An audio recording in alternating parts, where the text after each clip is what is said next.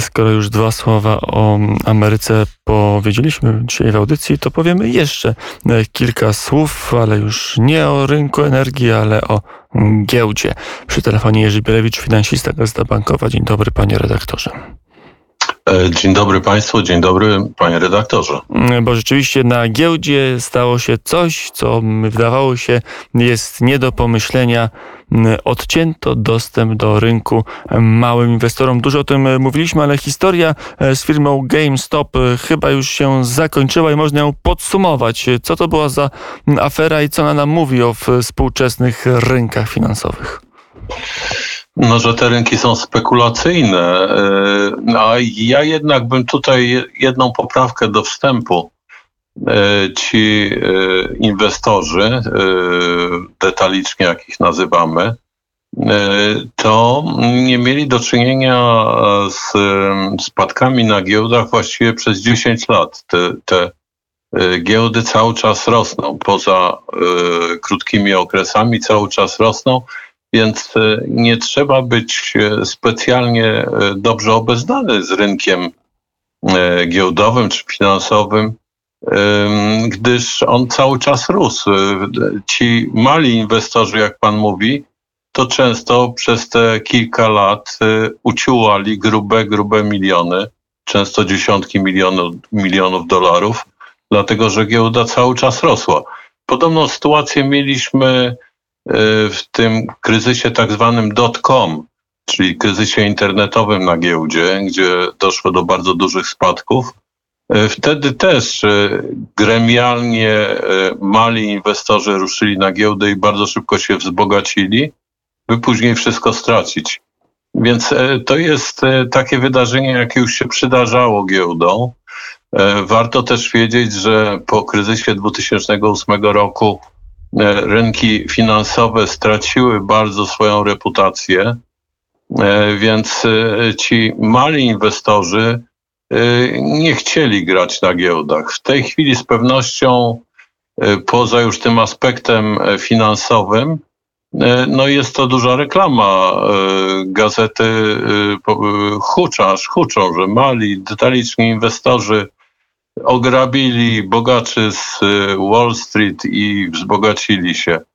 No cóż, y, y, należy na to patrzeć z przymrużeniem oka, a to, że zawieszono właśnie ten sprzedaż i kupno tych akcji, kiedy ci mali inwestorzy, w cudzysłowie mali, zyskiwali, no to wskazuje na to, kto zawsze wygrywa w takich, w takich sytuacjach. E, I z pewnością można jedno powiedzieć, że król jest nagi. Giełda e, w tej chwili w żadnym przypadku nie odzwierciedla e, podstaw tych takich finansowych i realistycznych waluacji firm, które na niej są. I chociażby właśnie ten GameStop, ta firma, no przecież pogrążona w kryzysie, spadki sprzedaży rzędu 30%, 30% w 2020 roku, dlatego że ona sprzedaje e, detalicznie swoje gry, czy e, są to używane gry, czyli można przyjść tam, sprzedać jedną grę, kupić drugą. No przecież e, sklepy są zamknięte w wielu państwach, w wielu miastach, więc ta firma raczej chyliła się ku upadkowi. Gdy Tylko tymczasem... pytanie, jak szybko, bo zdaje się, że duże koncerny stwierdziły, skoro są przesłanki, że ceny tej spółki spadną, to może warto, aby spadły jeszcze bardziej i my, e, grając na krótko, e, wykorzystamy to, to żeby e, tą historię dokończyć. Za chwilę zróbmy przecinek i powiedzmy, co to znaczy grać na krótko. Czy pan redaktor wie i potrafi grać na krótko na giełdzie? E, no wiem, co to jest. E, trzeba pożyczyć po prostu akcję danej firmy i je sprzedać. To jest e, krótka gra. Czyli liczymy na to, że te akcje w ciągu jakiegoś czasu spadną, a my odkupimy i oddamy te akcje po niższej cenie. Jednak ci mali inwestorzy używali jeszcze bardziej skomplikowanego instrumentu pochodnego, tak zwane call option, co też im, da, e, co im z kolei dawało e, możliwość gry na to, że, że, giełdę, że, giełda, że ta cena akcji pójdzie do góry. W związku z tym była oczywista sprzeczność spojrzeń na tą firmę. i okazało się, że no te wiel, wielkie fundusze hedgingowe popełniły błąd, gdyż no, sprzedały tych akcji więcej niż ich było nawet w obrocie, co już jest zupełnym absurdem. No bo skąd one pożyczały te akcje, prawda? Yy, proszę sobie wyobrazić, że tych akcji ponad prawie 60 milionów akcji sprzedano właśnie tak w krótkiej sprzedaży, yy, zanim to wszystko wybuchło.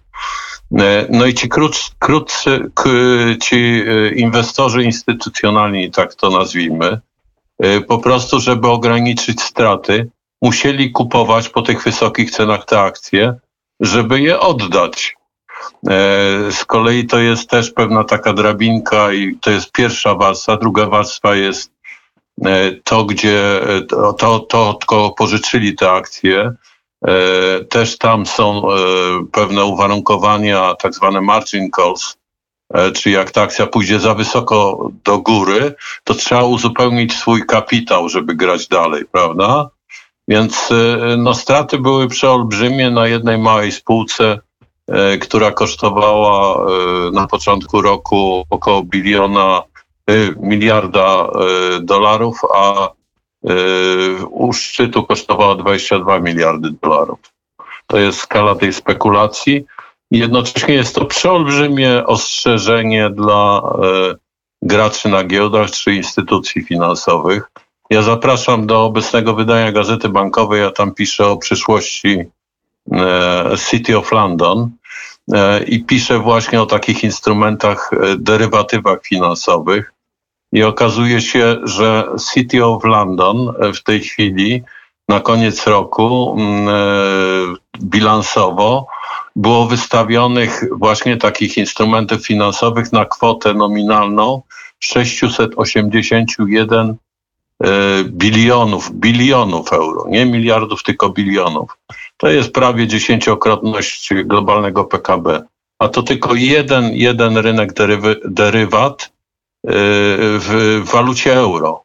Przecież są derywatywy w walucie, y, w dolarze amerykańskim, w jenie, w innych walutach.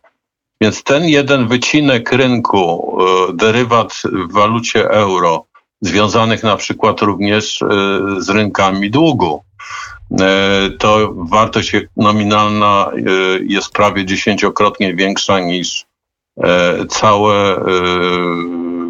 produkt krajowy brutto całego świata. Więc to jest skala spekulacji.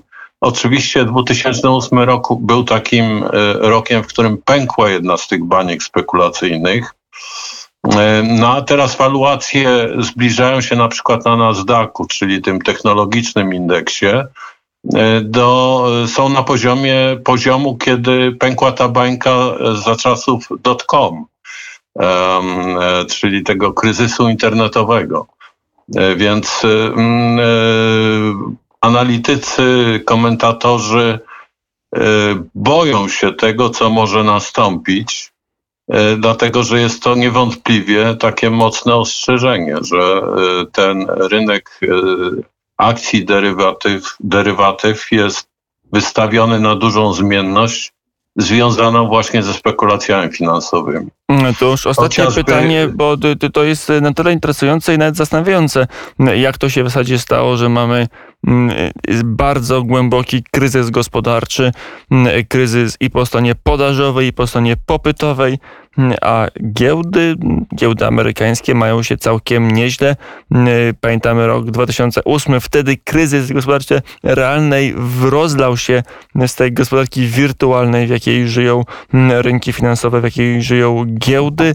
Teraz okazuje się, że ta sytuacja realna, bezrobocie, spadek produkcji, spadek konsumpcji i wiele innych wskaźników leci na świecie na łeb, na szyję, a giełdy w ogóle są niewzruszone tym faktem, płyną sobie jakby zupełnie swoim własnym e, Większość życiem. krajów na świecie jest w tej chwili w recesji, bo ten e, lockdowny w ostatnim kwartale zeszłego roku i teraz, więc już są dane za e, zeszły rok w czwartym kwartale. Bardzo dużo państw było w recesji, w głębokiej recesji. Niemcy na przykład miały tylko 0,1% wzrostu w czwartym kwartale, czyli tak na krawędzi recesji. E, o, o, Niemcy jakby zawsze są na krawędzi recesji, one nigdy nie wpadają. Podziwiam ten e, ich sposób liczenia e, z własnego produktu krajowego brutto i nic nie sugeruje, prawda? Mm, no, Polska, danych dla Polski są te na cały, na cały rok, jeszcze nie znamy przekroju, ale te, oczywiście odpowiedź jest jedna i prosta, dlatego że e, banki centralne po prostu e, pompują e, na rynki finansowe i do gospodarki grube miliardy dolarów każdego dnia. Skala tego jest, no to jest ponad 100 miliardów dolarów miesięcznie na, w samych Stanach Zjednoczonych. Dodać do, do tego należy y, Europejski Bank Centralny, y, czy y, Japoński Bank Centralny, również chiński też stara się stymulować swoją gospodarkę. Dług wzrósł tak, żeby już dojść do jakiegoś punktu takiego wzrósł prawie o 20 bilionów dolarów w ciągu kryzysu wywołanego pandemią. 20 bilionów dolarów, prawie 30% globalnego PKB w ciągu jednego roku. I to tak naprawdę świadczy o e, sytuacji na świecie i sytuacji wielu firm. No nie jest, tak jak pan mówi, to najlepsza sytuacja, a E, to zobaczymy realne skutki e, tej epidemii, pandemii e, dopiero kiedy ona się skończy. Wtedy, kiedy wygasną programy pomocowe i te firmy, które często były wspomagane przez państwo, będą musiały sobie radzić. Wtedy rzeczywiście będziemy widzieli, jak to wszystko wygląda i kto E, był realną firmą, która przynosi zyski, a kto był tak zwaną zombie company, czyli e, firmą, która się porusza tylko dzięki pomocy państwa, dzięki sile zewnętrznej, która podtrzymuje ją przy życiu. Jerzy Bielewicz, finansista, Gazeta Bankowa, był gościem popołudnia wnet. Bardzo serdecznie dziękuję za rozmowę. To ja bardzo dziękuję.